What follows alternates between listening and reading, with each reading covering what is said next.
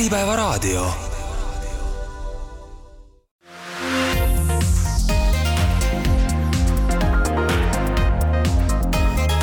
Trinity eetris jaanuar on käes, õues on külm, kes pole elektri hinda fikseerinud, siis vahetevahel neil see ka kõigub päevast päeva üles-alla, sest et kohati jääb Eestis elektrivõimsust puudu ja ühe lahendusena on nähtud ka Eestisse tuumajaama rajamist. Samal ajal, kui osad Euroopa riigid on lõpetanud või lõpetamas tuumaenergia tootmist, siis on Eesti liikunud just vastupidises suunas ja hiljuti on valmis saanud tuumaenergia ja ohutuse seaduse eelnõu mina olen saatejuht Gregor Alaküla ja tänasesse saatesse olengi kutsunud inimesed, kes on selle eelnõu koostamise juures olnud. siin on Kliimaministeeriumi nõunik ja tuumaenergia töörühma koordinaator Reelika Runnel, tervist! tervist! Trinity partner ja vandeadvokaat Tõnis Tamme, tere! tervist! Ja Trinity vandeadvokaat Sten Veidebaum, tervist! tere! see koostatud eelnõu oli abiks sellele, et Vabariigi Valitsuse tuumaenergia töörühm on siis teinud järelduse, et Eestisse on teoreetiliselt võimalik rajada see tuumajaam ja läheb see kokku ka Eesti kliimaeesmärkidega ja nagu Reelika mõne nädala eest siin Äripäeva raadios ka juba selgitasite, siis on selle tuumajaama rajamiseks ka neli eeldust, need on loomulikult rahastus, täpsed planeeringud, loomulikult poliitiline ja rahva toetus ning põhjalik ettevalmistus ja sellest viimasest hakkamegi rääkima, ehk et kuidas see eelnõu sündis ja mida on siis edaspidi vaja teha selleks, et Eestil oleks üks korralik tuumapoliitika. eelnõu koostamisel ei saanud ta hakata ise äh, välja mõtlema, et kuidas võiks Eesti oma reegleid kehtestada, vaid kuna kõik tuumateemadega seostuv on, äh, allub rahvusvahelisele regulatsioonile ja järelevalvele, siis tuligi teil esmalt kaardistada, et äh, mis tuumaprogrammiga alustamist reguleerib, mis need peamised asutused ja reeglid siis on. Tõnis jaa, et äh, meie ülesandeks siis äh, kliimaministeeriumi õigusnõustajatena mm, selles suures ja huvitavas ja olulises projektis oli tegelikult äh, esmalt just kaardistus ja analüüs, milline siis peaks olema ühe tulevase tuumaenergiat kasutava riigi mm, õiguskord, õigusraamistik, et tuumaprogrammiga alustada ja selle siis teise, teiseks suureks ülesandeks ja väljundiks oli äh, Äh, siis tuumaohutuse ja tuumaenergia seaduse eelnõu väljatöötamine, seletuskirja koostamine, esimene visand ja, ja ka väljatöötamiskavatsuse kontseptsioon.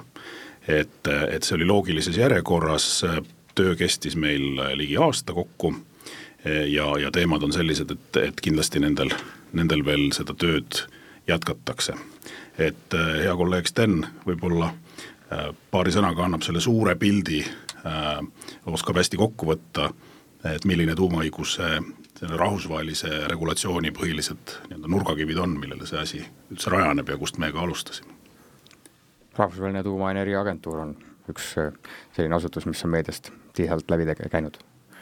jah, ja e, see on õige, rahvusvaheline tuumaenergia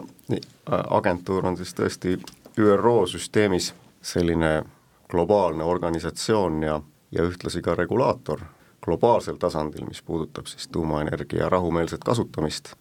aga tihtipeale unustatakse ära, et on olemas selline asi nagu Euroopa Aatomienergia Ühendus,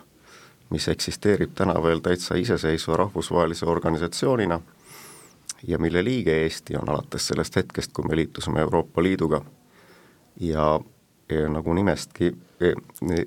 aru saada, siis Euratom, noh nagu teda rahvusvaheliselt tuntakse, reguleerib ja otsustab siis oma nii-öelda jagatud ja üleantud pädevuste piires liikmesriikide vahel siis tuumaenergia kasutamisega seotud küsimusi. tihtipeale siis Euratomi olemasolu unustatakse igapäevatasandil üldse ära. Need kaks ongi peamised,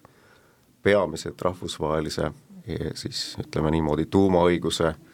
süsteemi alustala või, või olu-, või, või eh,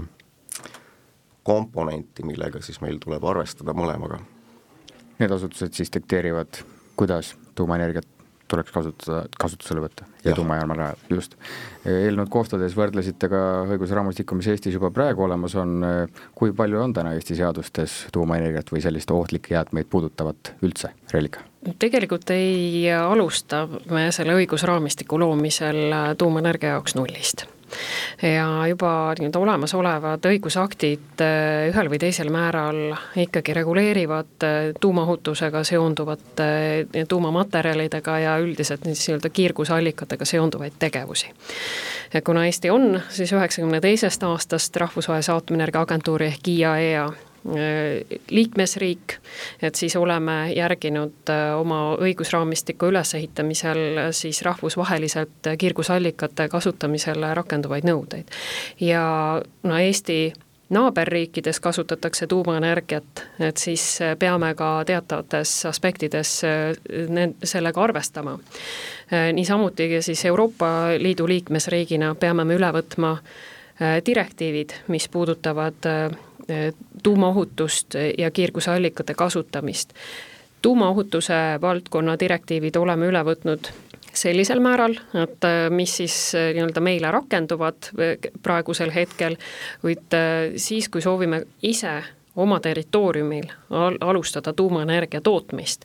et peame me siis äh, nendele direktiividele veel kord nüüd otsa vaatama ja et äh, üle võtma sealt siis täiendavad sätted ja et just nimelt selle kaardistusega siis meile Trinity tegi, et mis osas meie olemasolev õigusraamistik juba vastab nii rahvusvahelistele kui ka Euroopa Liidu nii-öelda siis nõuetele ja et mille osas siis on vaja täiendamist. aga et, et, et tegelikult see üldraamistik, et äh, sellise nii-öelda ülepiirilise tuumaohutuse tagamiseks on meil juba olemas ja Eesti on väga tubli olnud ka erinevate rahvusvaheliste konventsioonide ülevõtmisel, et mis seda valdkonda reguleerivad ehk teistelt riikidelt võiks tuumaõiguse äh, osas eeskuju võtta, aga kuna riigid, reeglid riigite vahel siiski erinevad, siis tuleb luua oma reeglistik. täpselt nii, et ähm, meie äh, ka lähinaabrite õigussüsteemid ja õigustraditsioon on, on meie omast juba päris erinev, et siin Äh, põhjanaabrit äh, Soome on juba aastakümneid tuumariik ja, ja ka uusi reaktoreid hiljuti ehitanud, kasutusele võtnud, siis nende õigustraditsioon, ka äh, ütleme, seaduste, määruste omavaheline suhe ja tasakaal võib-olla rohkem haldusriiklikum kui, kui Eesti ajaloolistel põhjustel, samal ajal ikkagi ka kontinentaalse õiguse süsteemis, noh, kui võtame Äh, Inglismaa, äh, kes on üks juhtivaid äh, või Suurbritannia juhtivaid tuumariike maailmas, siis nende õigussüsteem on ikkagi Eesti omast täiesti erinev, ehk et copy-paste ida kindlasti ei saa, küll aga on selliseid parimaid praktikaid, häid eeskujusid ja, ja kogemusi, mida arvesse võtta ja selle tarvis, et, et see parim teadmine maailmast kokku korjata, siis oli meie ütleme, õigusnõustajate siis konsortsiumis ka Äh, Suurbritanniast, äh, Suurbritannias tegutsev äh, just energia ja tuumaõiguse teemadele keskenduv advokaadibüroo Castletown Law ja lähinaabrite parimat praktikat tõi meieni siis head kolleegid Helsingi advokaadibüroost Vaselius ja Vest me räägime täna küll peamiselt õigusraamistik, õigusraamistikust, mitte niivõrd tehniliselt tuumajaama nüanssidest, aga veel eeskujudest rääkides, siis on räägitud sellest, et selle Eestisse sobiva tuumajaama eeskuju võiks tulla Kanadast, kas ka sealne õigusraamistik võiks Eestile eeskujuks olla? Jaa, Kanada regulatsiooni eh, sai uuritud ja, ja selle kohta ka kokkuvõtte järeldused tehtud, eh, aga Kanada, kui nüüd Quebeci provints välja jätta, on samuti äh, Äh, common law ehk üldise õiguse traditsiooniga maa ja, ja võib-olla keskendunud rohkem üksikaktidele, pretsedentidele, et selle tõttu sealt pigem me saame võtta üle kontseptsioone ja, ja arvestada seda, et need äh, väiksed äh, moodulreaktorid, mis Eestile loogiliselt sobiksid ja, ja potentsiaalsetele arendajatele huvi pakuvad, et neid tõepoolest ka Kanadas toodetakse ja esimesi on hakatud ka ehitama, et, et sealt kindlasti see praktika ja regulatsioon pakub meile huvi ja on oluline Sten, miskit lisada? ütleksin niimoodi, et ega tuumaõigus on igal pool ühesugune sisu poolest, see ongi see IAEA ja, ja Euro-, Euratomi e, nii-öelda normistik. küsimus on kõik selles, kuidas e, seda siseriiklikult realiseeritakse. ja kuna igas riigi, igas riigi ülesehitus on õiguslikult, halduslikult erinev, siis on neid e, riigid siseriiklikult lihtsalt need kohustused eh, vastavalt oma süsteemile eh, üles ehitanud ja see töö seisab ees ka Eestil. räägitud ongi järeldustes sellest, et tuleks luua siis siseriiklik eh, regulaator, meil sellega seoses siis tuleks täita ka mitmeid uusi ametikohti, Reelika, olete öelnud, et kokku oleks vaja ligi kaheksakümmend inimest ja kuuskümmend oleks vaja juurde, keda siis vaja on ja kust neid leida? no tuumaregulaatorisse on vaja erineva nii-öelda profiiliga töötajaid, et kellest tegelikult paarkümmend oleksid siis sellist nii-öelda väga sügavat tuumaenergia valdkondlikku nii-öelda väljaõpet ja teadmiseid omavad spetsialistid, kellest siis vähemalt osad tuleb regulaatori algusaastatel meil sisse osta välismaalt et Eestis meil lihtsalt äh, sellise profiiliga inimesi kohe võtta ei ole, aga paralleelselt äh, saame siis hakata juba enda inimesi välja koolitama äh, selliste kitsamatel tuumaenergia teemadele. üldteadmised kiirguse tuumaohutuse valdkonnast on meil riigis täiesti olemas ja praegu siis on Keskkonnaameti kiirgusosakonnas kaheksateist inimest, et kes siis viidaks üle loodava, loodavasse tuumaregulaatorisse ja saaksid seal siis äh, oma tegevust jätkata ja panustada ka siis tuumaprogrammi äh, rakendamisse. ehk energia tootmisega hakkaks tõenäoliselt tegelema eraettevõte ja riigi rolliks jääks siis ja riigi ametkondade ülesandeks jääks siis selle õigusliku raamistiku loomine ja regulaatori ellukutsumine? jah, et tuumaenergia töörühm on praegu lähtunud ta valitsuse poolt soovitud eeldusest, et riigi ülesanne on siis luua tuumaenergia kasutamist võimaldav riiklik raamistik, seda siis tuumaregulaatori õigusraamistiku ja järelevalve äh, näol, aga et äh, seda projekti, äh, tuumajaama seda ehitamist rahastaks siis erasektor eelnõud koostades küsitlesite ka erinevaid huvigruppe, kes need olid, mis te teada saite? Tõnis? jaa, selle töö või analüüsi esimese osa üks olulisi sisendeid oli, oli huvigru-, huvigruppide, institutsioonide ja, ja ka äh, selles vallas juba tegutsevate või potentsiaalset huvi omavate äriühingute äh, küsitlus ja, ja kokku äh, ma arvan, me saime üle kahekümne vastuse, küsimustik oli üsna põhjalik ja selle eesmärgiks oli välja selgitada, milline on tuuma küsimuste üleüldine teadlikkus, teadvustamine ja prioriteetsus äh, ühes või teises organisatsioonis ja, ja enamus nendest äh, küsitletavatest olid äh, riigiasutused. ja mida võib üldiselt järeldada, no kuna lubasime osalejatele anonüümsust, et siis isik isikustama neid vastuseid ei hakka, aga et ähm, ma arvan, mõne olulise riigiameti, kellel tulevikus saaks olema ka järelevalve ja toetav roll, teadlikkus ja huvi teema vastu on, on väga kõrge ja asjakohane, on ilmselt ärilistel, poliitilistel põhjustel neid, kes teemaga seni ei ole soovinud tegeleda või sellest, sellest on, kuidas öelda, meelega kõrvale hoidnud, kuni põhimõttelised otsused on vastu võetud, sest arusaadavalt avalikus halduses äh, siis seda nappi eelarveraha, raha peakski kulutama asjadele, milles on kokku lepitud ja millised ülesanded on juba äh, siis seadustesse kirja pandud ja täiendavaid uusi äh, teemasid avalik sektor ilma sellise kas ütleme siis poliitilise suunise otsuseta eh, ju eh, reeglina ette võtta ei taha, aga sellist proaktiivsust oli märgata. Eh, ja muidugi need, kes täna Eestis nende teemade eest vastutavad, on, on hingega asja kallal ja, ja sellist või öelda poliitilise otsuse tegemise järgselt mina usun, et, et selline ametkondade ülene ja, ja kuhu ka siis erasektor saab panustada sellised töörühmad, töögrupid ja ja ka rakkerühmad eh, saavad kõvasti abiks olla, aga kindlasti noh, üleüldine teadlikkuse tõus just nende teemade selline demüstifitseerimine, faktipõhine analüüs, selle faktoloogia kättesaadavaks tegemine, see, see kindlasti on oluline ja, ja, ja vajalik. Reelika jah, et nende erinevate sidusrühmade seas läbi viidud see küsitlus oli tegelikult oluliseks sisendiks äh, ka siis tuumaenergia töörühmale ja ka poliitilisel tasandil otsustajatele. et me saime sealt äh, pildi, et kui palju nii-öelda on üldse valmis meil erinevad asutused, riiklikud ettevõtted siis sellesse teemasse enda panustama, millised on nende olemasolevad teadmised ja võimekus ja et, et saada siis see kaardistus, et mis on siis meie see tänane seis ja kus on siis kõige suuremad võimelüngad ja arenduse, arendamise vajadused ja millistes valdkondades on täiendavate õigusaktide järgi see vajadus ka suurem. Et see andis ka siis töörühmale sellise väga hea ülevaate, mis omakorda siis võimaldab ka teha poliitilisel tasandil otsuseid, et meie valmisoleku kohta kuna me juba huvigruppidest räägime, siis küsin, et kuna tegelikult ei ole veel teada, kust tuumajaam üldse tuleb, ei ole see veel kindel, eh, siis asukoha üle on spekuleeritud, nelja potentsiaalset kohta on mainitud ja seesama mainitud tuumaenergia töörühm on nendes asukohtades minu teadmiste kohaselt eh, kogukondade juures käinud teavitustegevust tegemas, eh, on mul õigus? Jaa, tõepoolest, et äh, kahe tuhande kahekümne kolmanda aasta kevadel, et äh, kui valmis tuumaenergia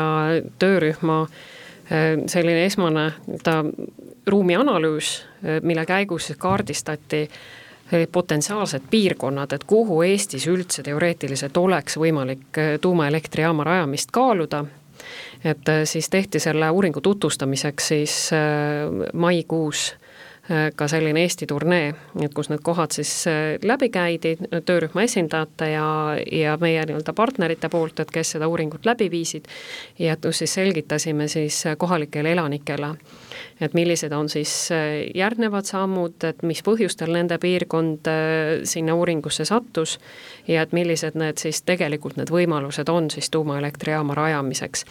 aga et need neli piirkonda, et Varbla, Toila, äh, Kunda ja Loksa äh, et jäid nii-öelda siis kaardile või siis sellise soovitusena, et jätkata asukoha uuringuid äh, just nimelt nendes piirkondades. et kuigi sellest asukoha uuringust tuli välja siis kuusteist piirkonda, et siis need neli olid, kus siis oleks tuumajaama rajamisel ka regionaalarengu aspekt juures. ja et nendes piirkondades siis oli ka siis nende kohalike elanike nii-öelda selline reaktsioon, sellele mõttele erinev, et kui Varbla piirkonnas tuli see võib-olla mõnevõrra üllatusena, sest et tegemist ei ole sellise ajalooliselt tuntud tööstuspiirkonnaga, et millega tuumaelektrijaamu äh, seostatakse, et siis äh, ta põhjarannikul asuvates piirkondades oldi nagu selle mõttega pigem juba harjunud ja et oldi teadlikumad, et Eesti Äh, plaanidest, et tuumaenergia kasutuselevõttu kaaluda. sest et noh, seal piirkonnas oli aktiivset teavitustööd teinud muidugi ka äh, nii-öelda üks potentsiaalne arendaja, äh, Fermi Energia. ja et seal oli siis meelsus pigem ütleme positiivne ja oodatakse siis piirkonda seda uut arengut aga et asukoha valik sõltub või tehakse siiski riigi eriplaneeringu protsessi käigus, et järgnevas, järgnevates etappides, juhul kui siis see poliitiline põhimõtteline otsus tuumaenergia kasutuselevõtuks on positiivne. ehk kohalike reaktsioon olnud erinev ja kõik eh,, nagu siin saates korduvalt mainitud, seadusandlusest rääkides saatan peitub detailides. kogu seda infot eh, analüüsides, mis te siis eh, rahvusvahelist tuumaõigust võrreldes ja Eesti regulatsioone analüüsides leidsite, mis soovitusi teil on Eesti tuumaenergia õiguse reguleerimiseks, mis need kriitilisemad teemad on, mis peaks seadusesse saama, Sten? lihtsustades me peame alustama sellest, nagu Reelika ka eh, enne kirjeldas just, et Eesti on olulisem osaga rahvusvahelisest tuumaõigusest ilusti-kenasti juba liitunud nii-öelda rahvusvahelise ja, ja Euroopa Liidu Euratomi õiguse kontekstis, aga küsimus on selles, et eh, kuna me ise ei ole tuumaenergiat siiamaani kasutanud, siis me oleme eh, rakendanud sellest ainult proportsionaalselt selle osa, mis meile vajalik on ja see puudutab suurel määral siis kiirgusohutust ja ehk siis mitte tuumaenergeetikaga seotud eh, kiirgustegevusi ja meile siia okupatsiooniperioodist jäänud Paldiski nii-öelda tuumajäänuku objekti e, siis e, haldamist. nüüd, kui me tahame võtta tuumaenergia rahumeelsel otstarbel kasutusele, ükskõik, kas siis uurimistegevuseks või te-, või selle abil energiat tegema, või, või üldse kogu tuumkütuse tsükli, nüüd tuleb juba esimene selline tuumaõiguse tür-, termin, jah, sealhulgas on ka näiteks eh, radioaktiivsete jäätmete käitlemine ja tuumkütuse valmistamine ja, ja, ja, ja sellised tegevused, siis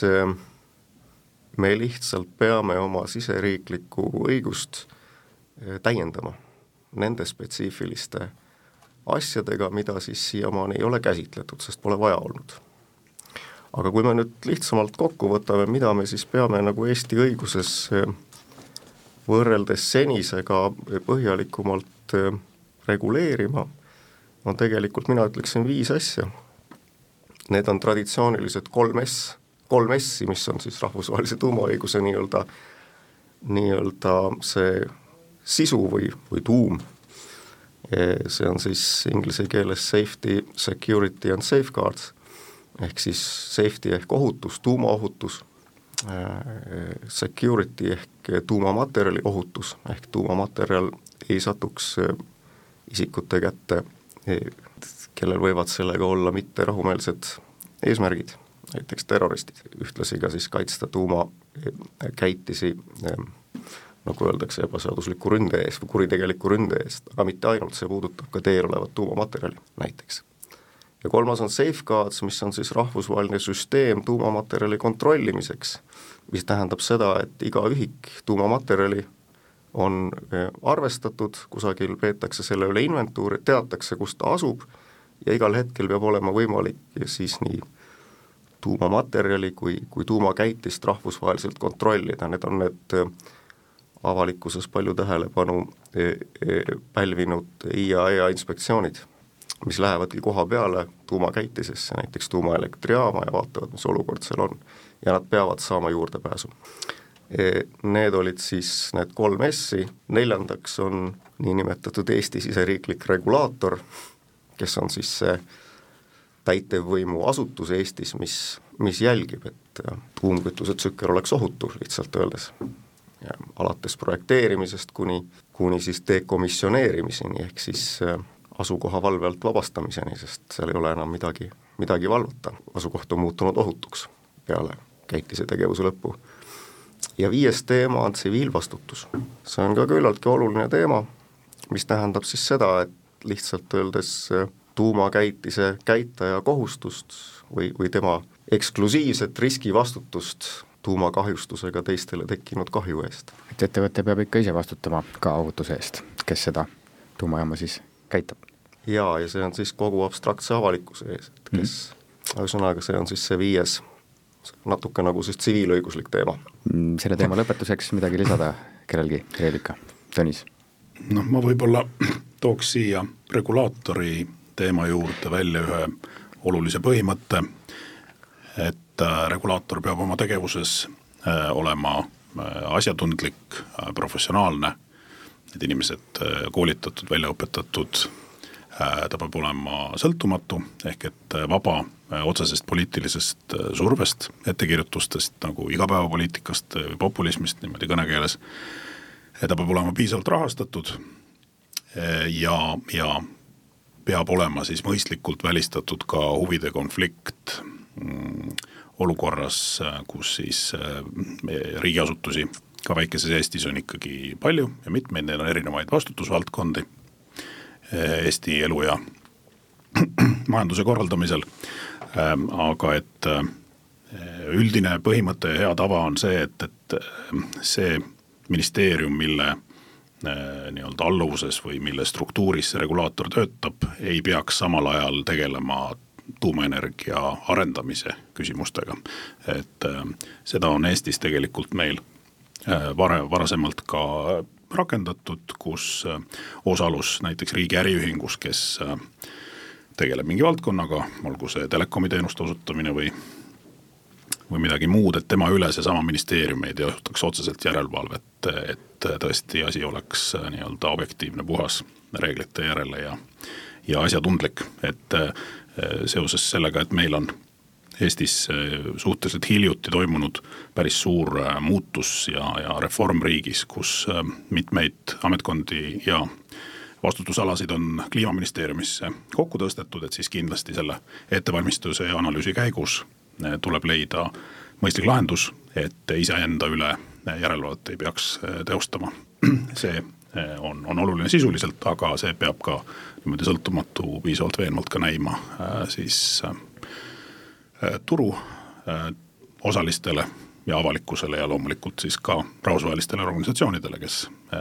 kõigi riikide tegevuse üle silma peal hoiavad eks see riigiregulaator peab olema pädev, sõltumatu, hästi rahastatud, ei tohi olla huvide konflikt. milline nende pädevus veel on, peavad teostama järelevalvet, kas riiklik regulaator saab ka elektri hinda dikteerida? Riiklik regulaator eh, hinna reguleerimisse kindlasti sekkuma ei hakka, et see hind sõltub väga paljudest teguritest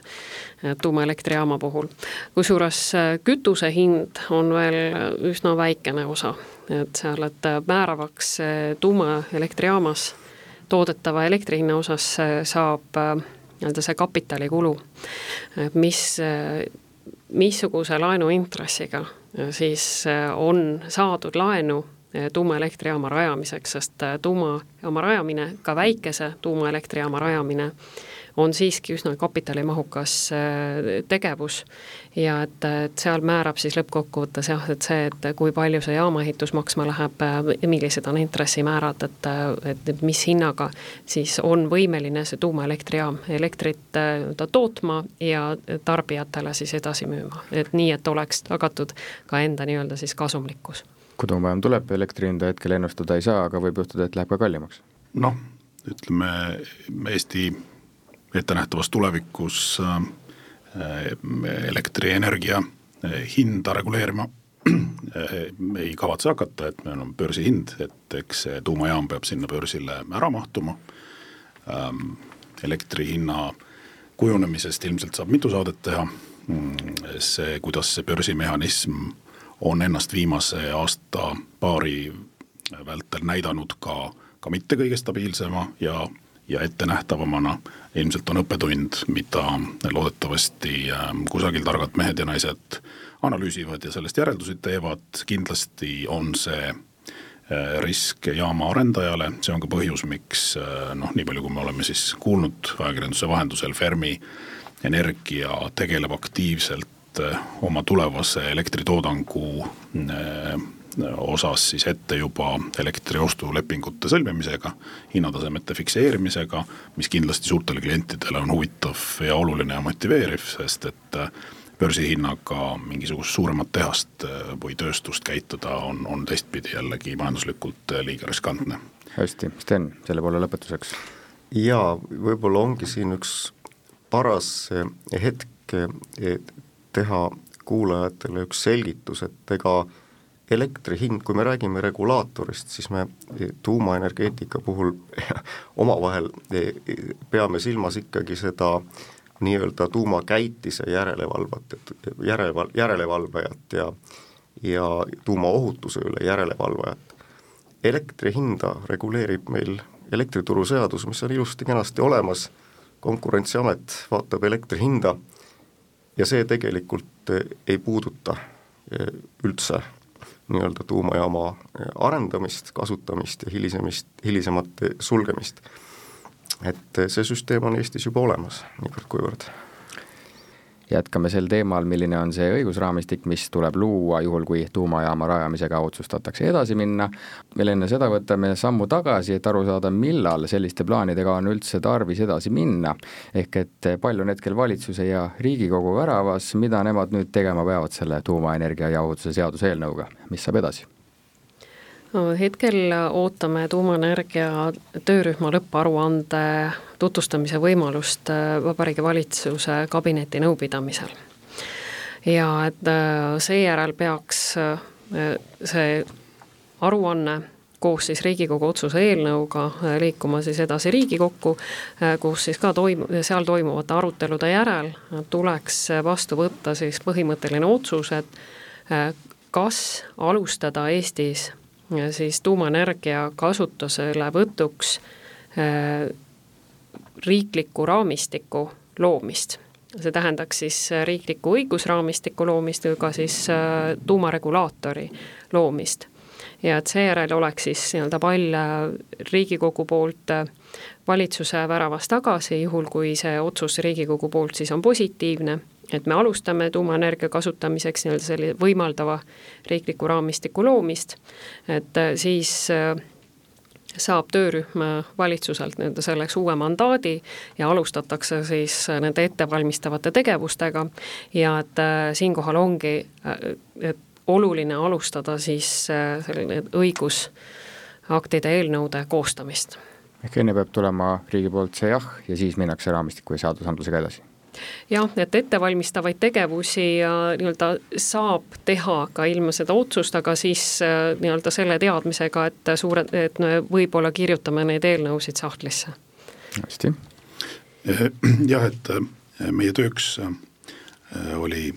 eelnõu, mille esimene versioon pärineb vist kahe tuhande kuskil seitsmendast, kaheksandast aastast, selle ülevaatamine, täiendamine tegelikult et kuna vahepeal on ka rahvusvaheline tuumaõigus äh, ja, ja selle praktika palju edasi arenenud ning turule on tulnud või tulemas väikesed moodulreaktorid, mille siis ehitus, projekteerimine, loastamine võiks olla oluliselt lihtsam ja kiirem ja seda ei peaks tegema igas riigis otsast peale nullist. et siis tegelikult see seadus sai päris suures mahus uueks kirjutatud ka väljatöötamiskavatsus ja seletuskiri, mis on iga seaduseelnõu sellises kohustuslikus paketis, on esimeses versioonis nii-öelda kontseptsioonina äh, tänaseks olemas. Äh, küll aga äh, nii nagu iga suurema seadusmuudatusega, uue seadusega, aga eriti peaaegu igaüht Eestis mõjutava tuumaenergia ohutuse seaduse eelnõu ettevalmistamisele peab eelnema ka korralik mõjuanalüüs. ja, ja see on nüüd suurem töö, kus äh, siis äh, kliimaministeerium kui põhimõtteline otsus Riigikogu poolt tuleb, et asjaga edasi minna, eh, siis sellega tegelema hakkab ja siis see huvigruppide kaasamine, arvamuste küsimine, eh, ühiskondlik arutelu selle sõna kõige paremas ja sisulisemas mõttes peabki aset leidma ja selleks peab ka piisavalt aega planeerima, sest et noh, see tundub olevat üks teema, kus, kus tõesti igal eestlasel, eestimaalasel on ja peabki olema oma, oma arvamus, et, et seda infot avalikkusele kättesaadavaks teha Äh, veelgi mahukamas äh, formaadis, kui, kui täna need aruanded on ja uuringud äh, tõepoolest ka noh, tõde peaks selguma vaidlustes ja on, on kindlasti huvigruppe, keda me ka täna juba teame, kellel on sisulisi küsimusi, skeptitsismi või, või, või negatiivseid hoiakuid selle suhtes, et, et ka need saaksid välja öeldud, läbi kaalutud ja, ja, ja võimalusega arvestatud. kõigepealt riigi otsus, seejärel arutelud ja siis juba praktilisemad plaanid. mis hetkel see tuumajaama tulevane potentsiaalne asukoht võiks paika saada, mis sel teekonnal veel ees on? Tuumaenergia nii-öelda asukoha valiku protsessiga saab tegelikult algust teha juba olemasolevate nii-öelda õigus, olemasoleva õigusraamistiku toel. Et äh, planeerimisseadus äh, reguleerib üsna nii-öelda täpselt, äh, et selliste rajatiste asukoha valikut, et küll aga on puudu sealt sellised tehnilisemal tasandil määrused, et mille alusel siis seda asukoha sobivust tuumaohutuse seisukohast lähtuvalt hinnata. ehk et siis sinna planeerimisseaduse juurde, et saaks luua siis vastavad määrused, et ka, või siis kui on selleks hetkeks juba olemas tuumaenergia ohutuse seadus, et siis kehtestada need selle alamaktidena. Et ehk siis asukoha nii-öelda valikuprotsessiga me saaksime algust teha kohe, kui on põhimõtteline positiivne otsus Riigikogu poolt tehtud, aga asukoha valikut lõpule viia ei saa ennem, kui on loodud tuumaregulaator ja olemas siis vastavad nii-öelda määrused, mille alusel siis hinnatakse selle asukoha nii-öelda seda tuumaohutust ja et selle asukoha nii-öelda sobivust üldse konkreetsele tehnoloogiale, mida soovitakse kasutusele võtta hästi, kui me mõtleme Äripäeva raadio tüüpilisele kuulajale, kes on ettevõtja, siis äh, räägitud on palju sellest, et potentsiaalsest või potentsiaalselt võiks tuumajaamast enim kasu lõigata just need kohalikud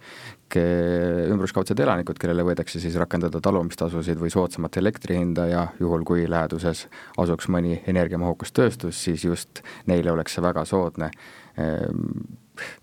olete juba näinud mingeid ettevõtjaid käsi hõõrumas nende potentsiaalsete kohtade ümber, huvi tundmas? huvi tuntakse jah, et aga et kuna ei ole see asukoha valik tehtud, et, et siis on ka keeruline neid nii-öelda krunte seal kokku ostma hakata. Aga, aga huvi tõepoolest on, on suur nii kohalike elanike kui ettevõtjate seas ja et, et tuumaelektrijaam oleks siis seal piirkonnas ka siis noh, üks potentsiaalne satelliitrajatis, mis siis tõepoolest meelitab sinna siis uusi investeeringuid, uut sellist energiamahukat tööstust, mis omakorda siis loob töökohti ja et toetab siis piirkonna üldist majandusarengut. kui Eesti peaks tahtma kunagi tuumajaamast loobuda, mis selleks peaks tegema, milline raamistik, reeglistik selle jaoks paigas peab olema? jah, vot see on tõesti teema ja sellega haakuvad teised küsimused äh, nagu siin äh, dekomisjoneerimise äh, fond, selle haldamine, nende maksete suurus, kogumine ja, ja, ja see, see kõik on Eestis täitsa puudu, sest seda ei ole vaja olnud. ja see oli siis üks peatükk, millega me oma ettevalmistavas töös ja, ja analüüsis päris palju tegelesime. et kindlasti siin meie arutelu esimeses osas nimetatud ähm, ähm, tuumajaama rajamise hind või eelarve ja, ja noh, kaude ka, eks ju, elektri hinda jõuab ta välja, et see kulu peab kindlasti seal olema arvestatud ja, ja kokkuvõttes need summad ei ole sugugi väikesed, sest et üldise põhimõtte kohaselt äh, noh, nii-öelda, eks ju, äh, saastaja maksab, eks ju, et siis jäätme tekitaja äh, peab tagama, et või temalt peab ka regulaator selle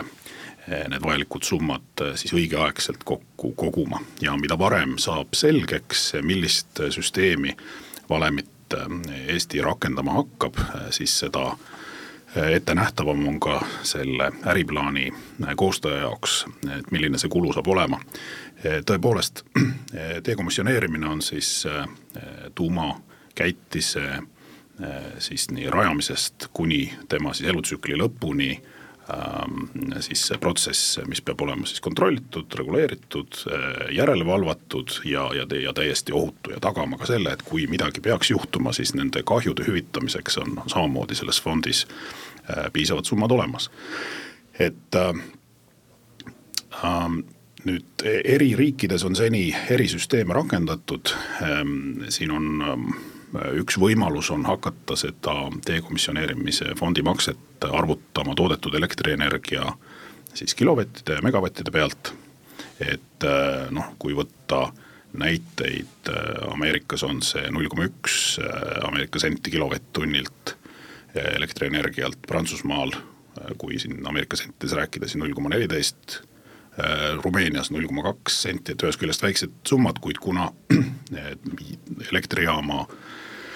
tuumakütusel töötava elektrijaama elutsükkel on, on väga pikk, eks ole, et see võib olla kuuskümmend ja rohkem aastat, siis tegelikult seda raha koguneb selle töö käigus päris palju. Ehm, on riike, kus ajaloolistel põhjustel, näiteks Ungari, on selle fondi maksed või selle rahastamise enda peale võtnud riik, kuna riik on olnud ka ajalooliselt äh, tuumaelektrijaama omanik ja rajaja. Äh, on äh, näiteks Lõuna-Korea näited, kus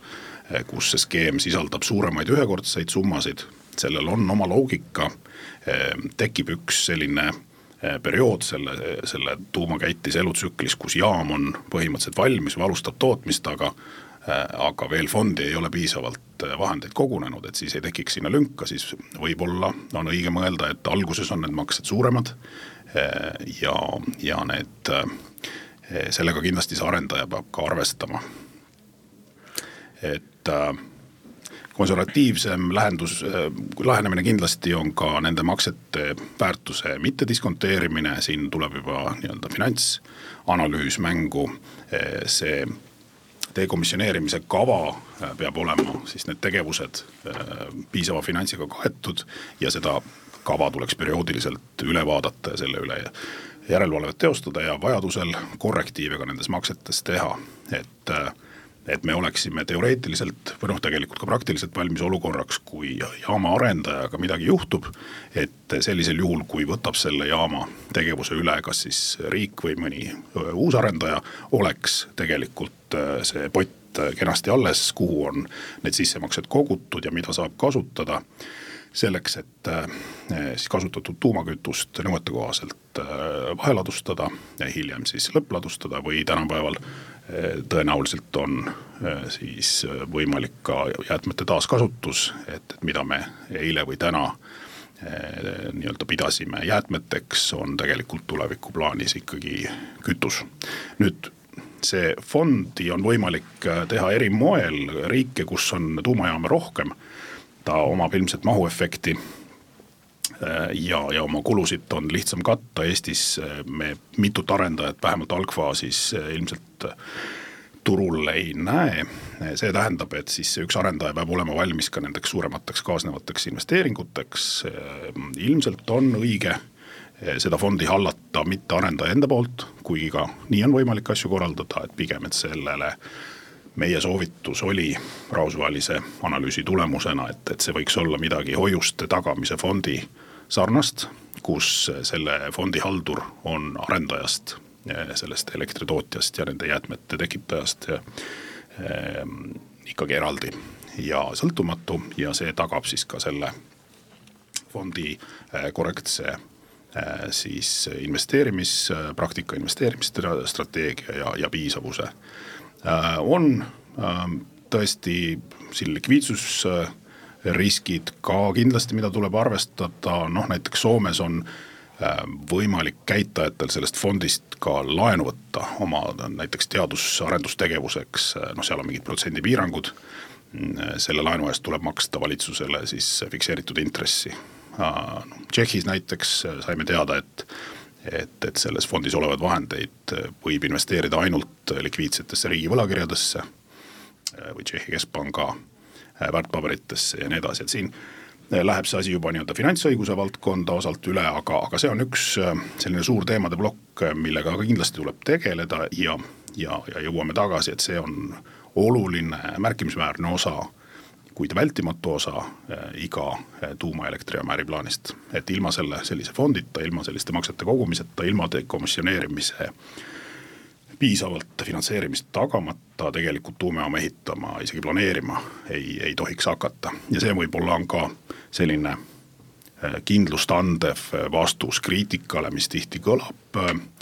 tuumajaama skeptikute suust, et, et jah, et, et vot elekter on odav ja, ja väga tore, aga vot mis saab sellest, mida, mida hakkavad meie lapselapsed peale selle tuumajaamaga, kui seda on vaja likvideerida või kui midagi juhtub, et, et sellele on mõeldud rahvusvaheliselt, need asjad on üsna paigas. Kui tuumajaamast tahta lahti saada, siis peab keegi hakkama selles koguma raha ja see ei tohi, ei tohiks siis olla seesama arendaja. kui me teiste riikide kogemusest siin juba rääkisime, siis võib-olla küsin sellise tavakuulaja peas mõlkuva küsimuse, et nagu saate sissejuhatuses mainitud, siis osad Euroopa riigid, eh, Saksamaa on juba loobunud, Hispaania kahe tuhande kolmekümne viiendaks aastaks plaanib loobuda tuumaenergiast, eh, miks nii, kas Eestit, eh, miks Eesti vastuvoolu ujub? E, Eesti ei uju kindlasti vastuvoolu, nii et Eesti tegelikult ju ei ole veel ka otsust teinud, et kas minna seda tuumaenergia teed või mitte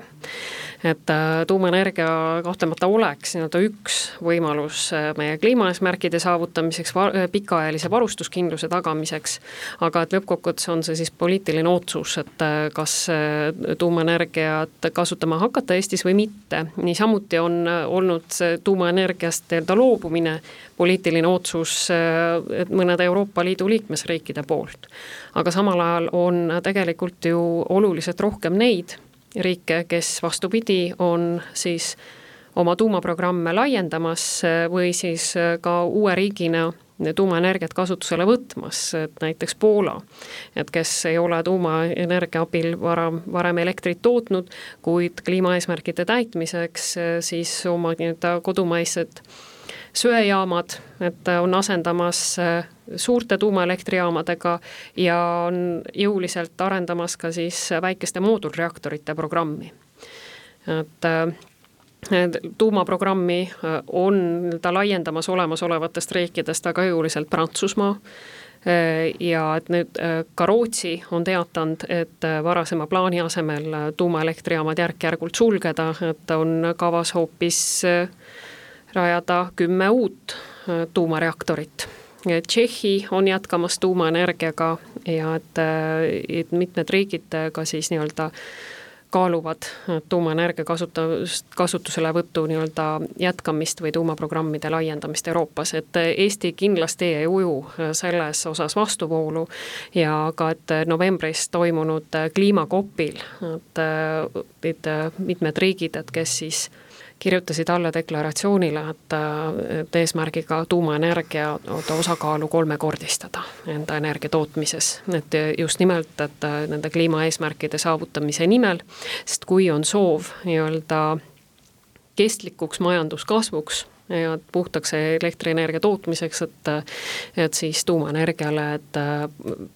väga paljudes piirkondades nii-öelda alternatiivi ei ole hästi, tänases saates rääkisime tuumaenergia ja ohutuse seaduse eelnõust ja mis saab edasi, kui riik peaks otsustama tuumajaama rajamise plaaniga edasi minna. mina olen saatejuht Gregor Alaküla, külas olid vandeadvokaadid Tõnis Tamme ja Sten Veidebaum ja Kliimaministeeriumi nõunik Reelika Runnel, aitäh!